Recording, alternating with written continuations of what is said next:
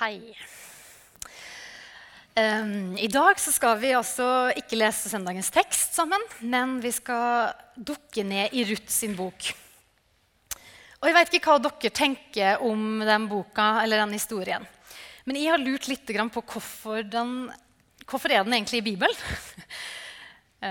jeg tror at jeg trodde når jeg var liten, at dem som skrev Bibelen, og det trodde jeg sikkert var Gud, hadde tenkt at nå har vi mange bøker med guttenavn. På tide med en jentebok. En bok om ei jente og for jenta, på en måte. da.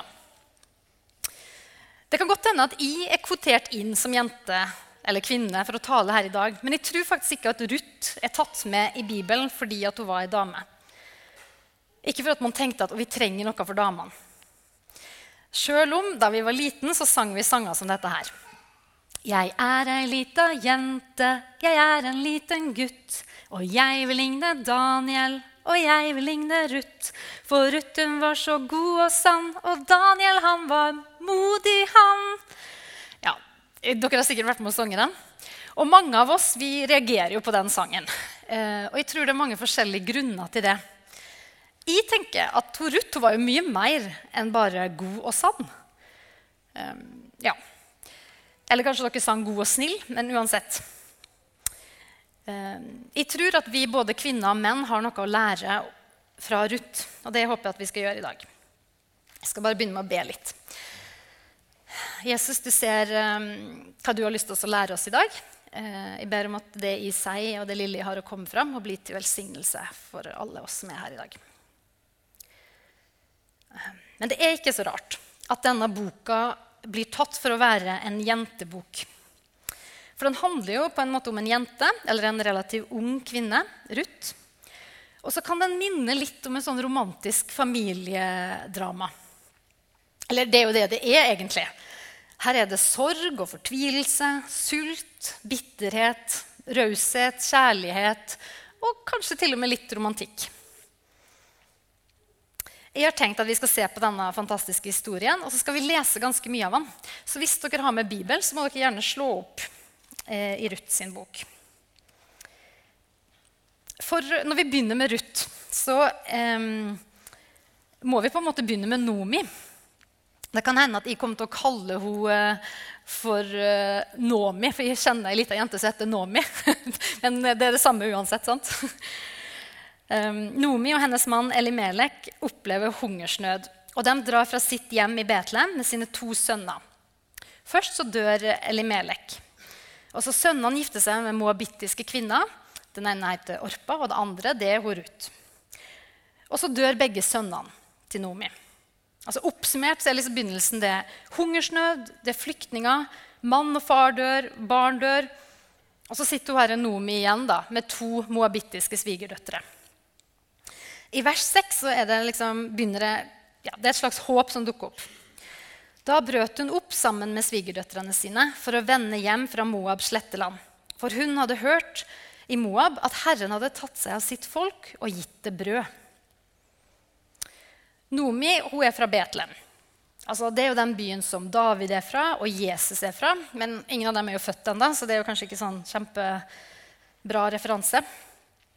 Men poenget er at hun er av israelsfolket. Guds folk. Og Hele Bibelen den henger jo sammen. Så når vi skal forstå denne boka, her, så må vi liksom lese litt fram og tilbake. Og Derfor har jeg lyst til å lese noen vers fra 5. Mosebok, kapittel 7, 12 og utover.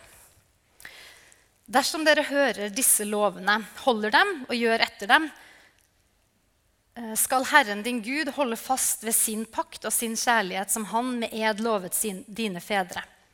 Han skal elske deg og velsigne deg og gjøre deg tallrik. Han skal velsigne frukten av ditt morsliv og frukten av ditt åkerjord, korn, eh, ny vin og fin olje, avkommet av ditt storfe og tilveksten til ditt småfe, i det landet som han med ed lovet dine fedre å gi deg. Velsignet skal du være framfor alle andre folk. Hos deg skal ingen være ufruktbar verken menn eller kvinner eller noen av dine husdyr. Herren skal holde all sykdom borte fra deg. På deg skal han ikke legge noen av de onde og smittsomme sykdommene som du kjenner fra Egypt, men han skal legge dem på alle som hater deg. Du skal utrydde alle de folkene som Herren din Gud overgir til deg, og du skal ikke vise dem medfølelse. Du skal ikke dyrke deres guder, for da blir du fanget i en felle. Når jeg leser disse versene her, så syns jeg egentlig at det er litt rart. Det er akkurat som om Gud er litt annerledes på denne tida her enn det han er nå. For det Gud sier her, og som han gjentar på mange forskjellige måter i Gammeltestamentet, er at hvis israelsfolket holder hans bud og gjør det som er rett, da vil han gi dem et land i fred, og som det er masse mat og drikke. Altså bare fryd og gammen. Men nå, nå sier vi jo ganske ofte at det ikke er sånn at selv om vi blir kristne og stoler på Gud, så er det ikke noe automatikk i at livet blir bare enkelt. Eller vi blir ikke automatisk rike. Og Grunnen til at vi sier det, er jo ikke for at vi ikke skal bli skuffa, men det er for at Jesus tydelig sier det i Nytestamentet. At vi kommer til å oppleve vanskelige ting. Men her, på Noomi sin tid, her er vi i den gamle pakt. Det er før Jesus har sona all synd. Og da var det sånn at Gud brukte kriger og hungersnød for å oppdra sitt folk. For å få dem til å vende om fra å gjøre det som var galt i hans øyne, og tilbe andre guder. Og så hadde han lovt at hvis de fulgte hans bud og holdt seg nær til han, så ville alt bli fryd og gammen. Vi kan altså anta at når de opplever hungersnød, Nomi og hennes kjernefamilie, så er det en konsekvens av at israelsfolket har vendt seg bort fra Gud og begynt å tilbe andre guder. Ok, Det var Nomi og hennes folk. Og Gjennom hele eh, boka så blir det gjentatt mange ganger at Ruth hun er en moabittkvinne. Og Da tenkte jeg at vi skulle lese noen vers om det òg, fra 5. Mosebok 23, vers 3. Ingen ammonitt eller moabitt skal ha adgang til Herrens forsamling selv ikke etterkommeren deres i tiende ledd skal adgang til Herrens forsamling. Slik skal det være for all fremtid. Og så i første kongebok, kapittel 11, vers 1-2. Kong Salomo elsket også mange andre utenlandske kvinner enn faraos datter. Det var kvinner fra Moab, Ammon, Edom, Sidom og hetittenes land. De hørte til de folkene Herren hadde talt om da han sa til israelittene:" Dere skal ikke blande dere med dem, og de ikke med dere. Ellers kommer de til å vende hjertet deres til sine guder. Eh, det var disse kvinnene Salomo holdt seg til og elsket. Ok, Ruth var en moabit-kvinne. Og hun var altså ikke under de samme løftene som Nomi og familien hennes.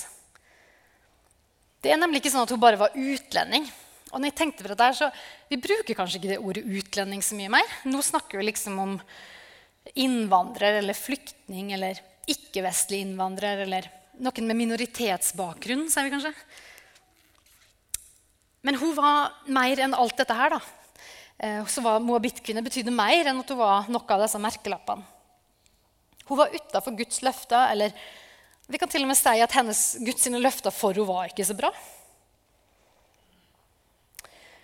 Ruth og Orpa, som altså er disse Moabit-kvinnene, som eh, Guds folk ikke skulle blande seg med. Det er dem som har lyst til å følge svigermora si, Nomi, tilbake til Betlehem. Og nå skal vi gå tilbake til Ruth altså, og lese litt fra vers 8. Men Nomi sa til sine to svigerdøtre.: Snu og gå tilbake, hver til sin mors hus. Måtte Herren vise godhet mot dere, slik dere har vist godhet mot de døde og mot meg. Måtte Herren gi dere begge trygghet og la dere finne et hjem hver i sin manns hus. Så kysset hun dem. Men de brast i gråt og sa til henne, Nei, vi vil følge deg tilbake til ditt folk. Men Nomi sa, Vend tilbake, mine døtre. Hvorfor skulle dere følge med meg? Skulle jeg ennå føde sønner som dere kan få til menn? Vend tilbake, mine døtre. Gå nå. Jeg er for gammel til å bli gift. Og selv om jeg tenkte at det ennå er håp for meg, ja, om jeg allerede i natt fikk en mann og til og med fødte sønner, skulle så dere vente til de ble voksne? Skulle dere stenge dere inne og leve uten menn? Nei, mine døtre, dette er mer bittert for meg enn for dere, for Herrens hånd har rammet meg. Da brast de igjen i gråt. Orpa kysset sin svigermor til avskjed, men Ruth klynget seg til henne. Da sa Nomi, Se, nå vender din svigerinne tilbake til sitt folk og sin Gud. Vend tilbake, du også. Følg henne. Men Ruth svarte, ikke tving meg til å forlate deg og vende tilbake. For, og her kommer noen eh, veldig fine og kjente vers. Dit du går, vil jeg gå. Og hvor du bor, vil jeg bo. Ditt folk er mitt folk, og din Gud er min Gud. Der du dør, vil jeg dø, og der vil jeg begraves. Måtte Herren la det gå meg ille både nå og siden hvis noe annet enn døden skal skille meg fra deg. Hva er det moabittkvinnen Ruth har sett eller opplevd? Eller er det hennes karaktertrekk, at hun er sånn sann og god, ifølge barnesangen, som gjør at hun kommer med denne bekjennelsen? Er det fordi at hun er lojal og trofast? Er det Nomi som bare er liksom drømmesvigermora? Jeg tror at hun Ruth har sett eller skimta den levende Gud. Jeg tror at Ruth har sett at Nomis Gud, og kanskje hennes avdøde ektemanns Gud, han er annerledes. Han ville hun ha, på en måte. For vi må jo anta at det enkleste ville vært om hun dro tilbake. Og funnet seg en mann som kunne forsørge henne. Hun minner meg litt om hun dama som Jesus eh, kalte en hund. Eller sammenligna med en hund. Hun var utlending av syrisk fønisk ett, står det i Bibelen min.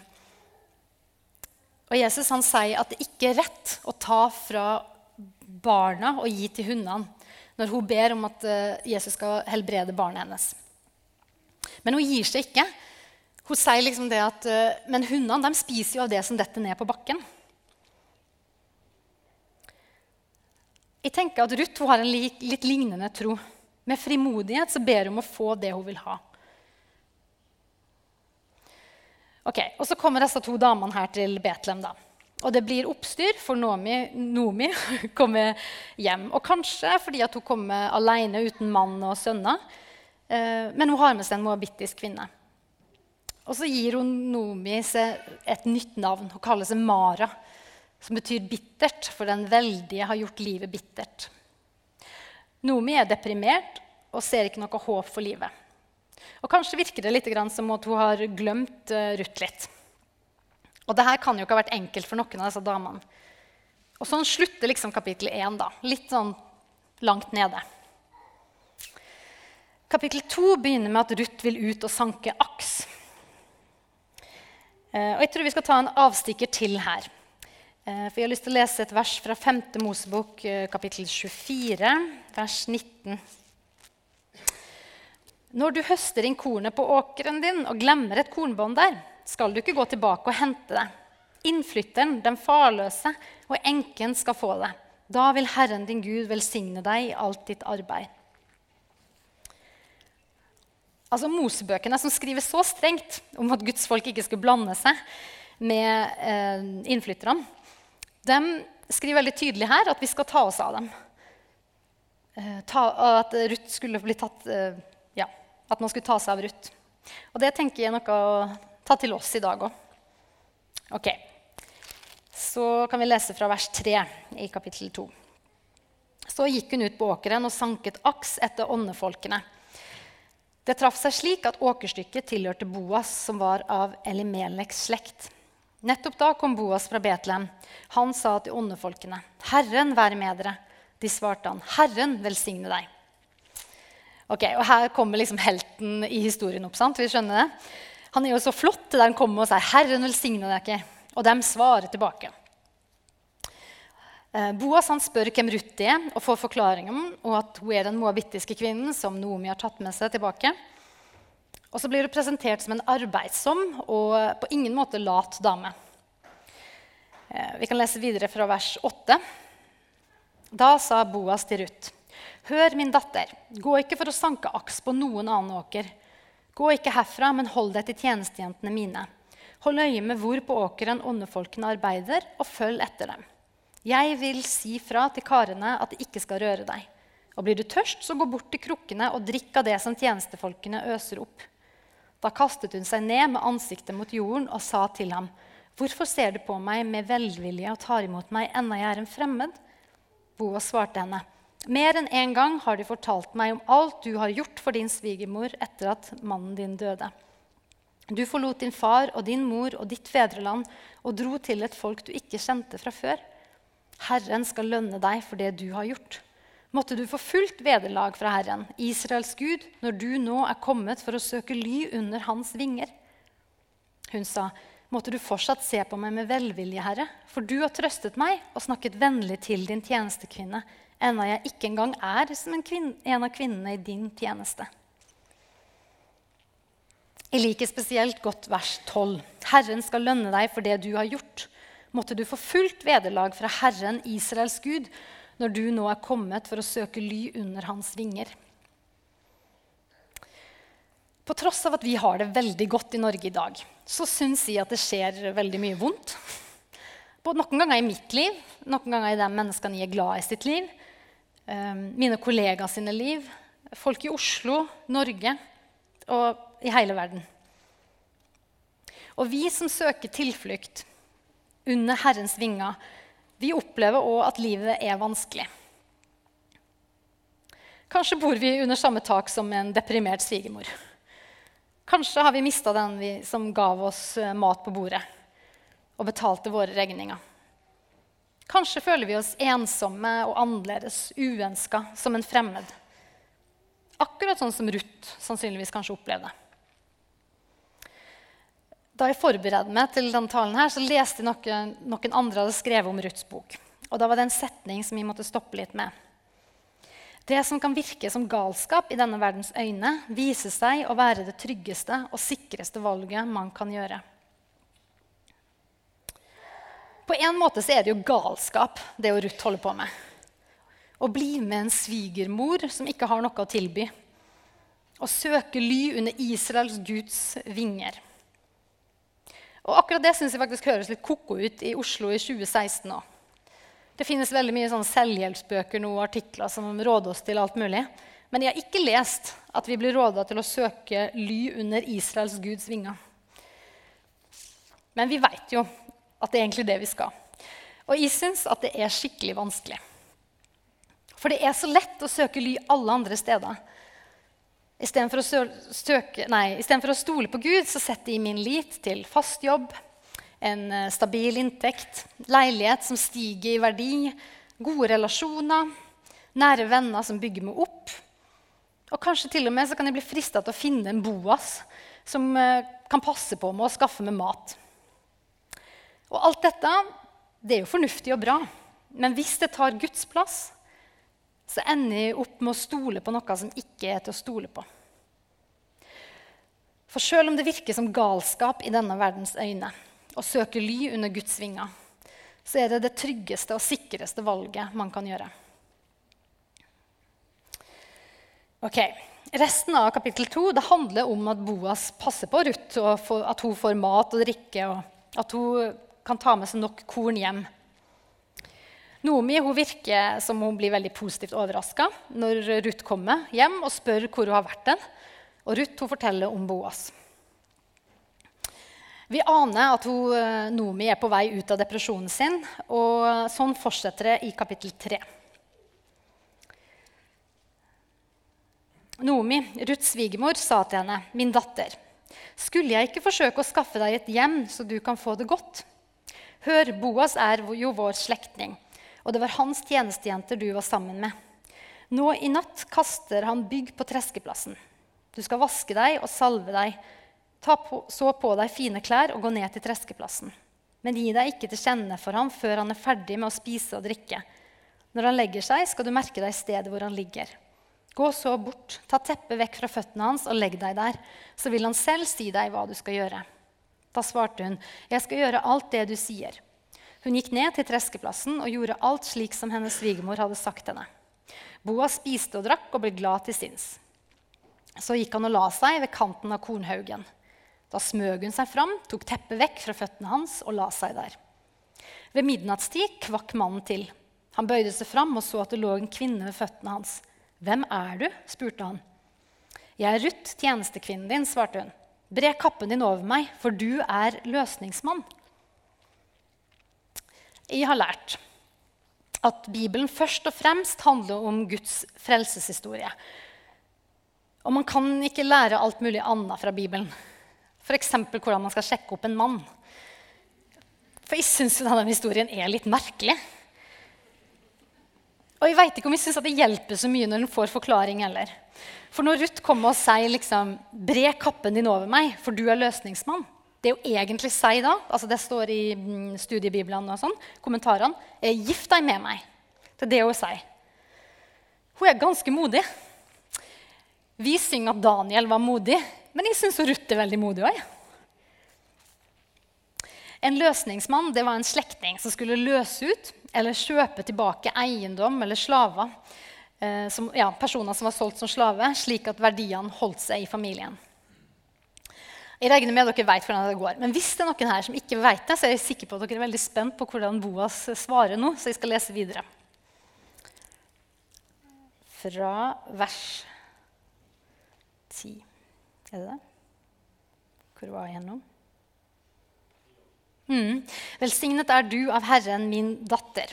Du har vist enda større trofasthet enn før ved å ikke gå etter de unge mennene, verken de fattige eller de rike. Og nå, min datter, vær ikke redd. Alt det du si sier, vil jeg gjøre for deg. For alle som bor i byen, vet at du er en hederlig kvinne. Det er sant at jeg er løsningsmann, men det er en annen løsningsmann som er nærmere enn jeg. Sov her i natt, og hvis han i morgen vil løse deg ut, så la han det. Men hvis han ikke vil løse deg ut, skal jeg gjøre det selv, så sant Herren lever. Bli bare liggende til i morgen tidlig. Ruth blir liggende ved føttene hans til morgenen. Og før folk kan kjenne henne igjen, så drar hun hjem. Han sender med henne rikelig med byggkorn til uh, svigermor. Og når hun kommer hjem, så er hun Nomi veldig spent. 'Hvordan gikk det, min datter?' Og Ruth forteller alt som har skjedd, og vi aner at Nomi hun har fått tilbake livskrisen. Altså. Og da sier hun, 'Hold deg nå i ro, min datter, til du får vite hvordan saken faller ut.' For den mannen unner seg ikke ro før han får saken ordnet. Og det allerede i dag. Ja. I kapittel 4 så går eh, Boas eh, opp til byporten. Og han får med seg den andre løsningsmannen til å sette seg ned med ham. Han får tak i ti av byens eldste og samler dem for å legge frem saken. Og Så får den andre løsningsmannen tilbudet om å kjøpe Nomi sin eiendom. Og noe han først er interessert i, men så skjønner han at han da må eh, gifte seg med Ruth. Og da vil han eh, forringe arven til eh, barna sine, så derfor så takker han nei. Så kan vi lese fra vers 9. Da sa Boas til de eldste og til hele folket. Dere er i dag vitner på at jeg kjøper av Nomis hånd alt som har tilhørt Elimelek, og alt som har tilhørt Kiljon og Malon. Jeg tar også moabittkvinnen Ruth, Malons kone, til ekte, slik at den dødes navn kan leve videre og jordstykket gå i arv. Slik vil den dødes navn ikke bli utslettet av hans slekt og glemt i porten på hans hjemsted. Dere er i dag vitner på dette. Alt folket og de eldste som var i byporten, svarte, ja, vi er vitner. Måtte Herren la den kvinnen som nå kommer inn i ditt hus, bli som Rakel og Lea, de to som bygde Israels hus. Vis din kraft i Efrata og vinn deg et navn i Betlehem. Måtte de etterkommerne som Herren gir deg med denne unge kvinnen, gi deg en ett som etten til Peres, han som Tamar fødte til Juda. Tenk at folk sier dette her om Ruth. Hun som var en moabitt. Eh, Boas han tar Ruth med seg hjem, og hun blir hans kone og føder en sønn. Og Da sier kvinnen til Nomi.: Velsignet er Herren som lot deg få en løsningsmann i dag. Hans navn skal bli stort i Israel. Han skal gi deg nytt livsmot og sørge for deg i din alderdom. For din svigerdatter, som er så glad i deg, har født han. Hun er mer for deg enn sju sønner. Så tok Nomi gutten og la ham på fanget sitt, og hun ble hans fostermor. Nabokonene ga han navn og sa, 'Nomi har fått en sønn.' De kalte han Obed. Han fikk sønnen Isai, som ble far til David. Til slutt i Ruth sin bok så er det en sånn rekke med mange navn, altså en slektsliste. Og Det er en del av mange sånne rekker vi finner i Bibelen.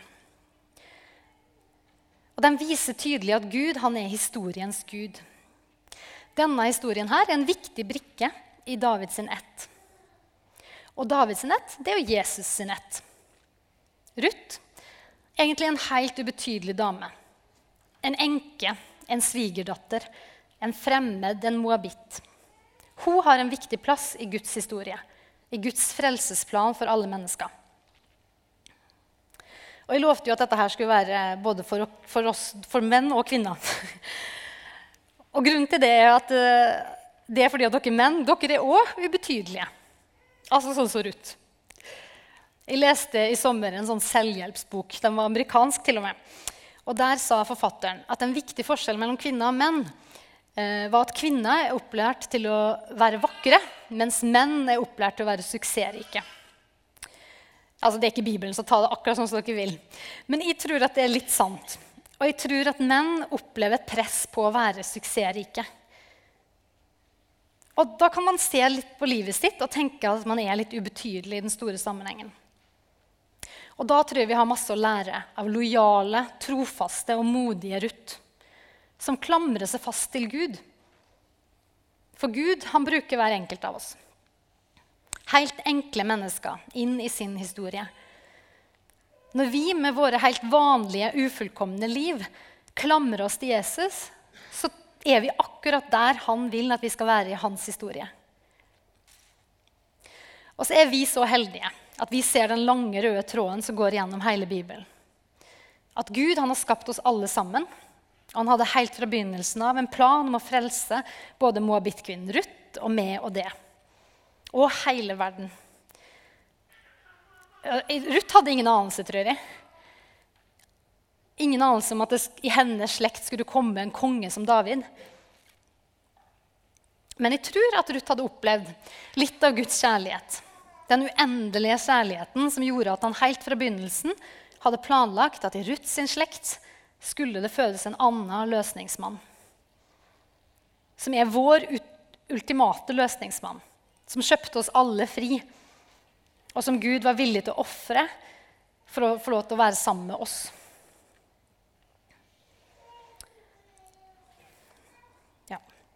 Jeg har lyst til å be litt til slutt. Himmelske Far, jeg takker for at du eh, elsker oss. Jeg takker for at du eh, ønsker at vi skal få lov til å søke ly under dine vinger. At vi alle sammen kan det. Jeg ber om at du må hjelpe oss å tenke dine tanker for vårt liv og for, eh, hvem, om hvem du er. Jeg ber om at vi må velge din vei og være lojale og trofaste og modige, sånn som Ruth. Og så ber jeg om at du må hjelpe oss til å klamre oss fast til det, uansett hva livet bringer oss. I ditt allmektige hellige navn. Amen.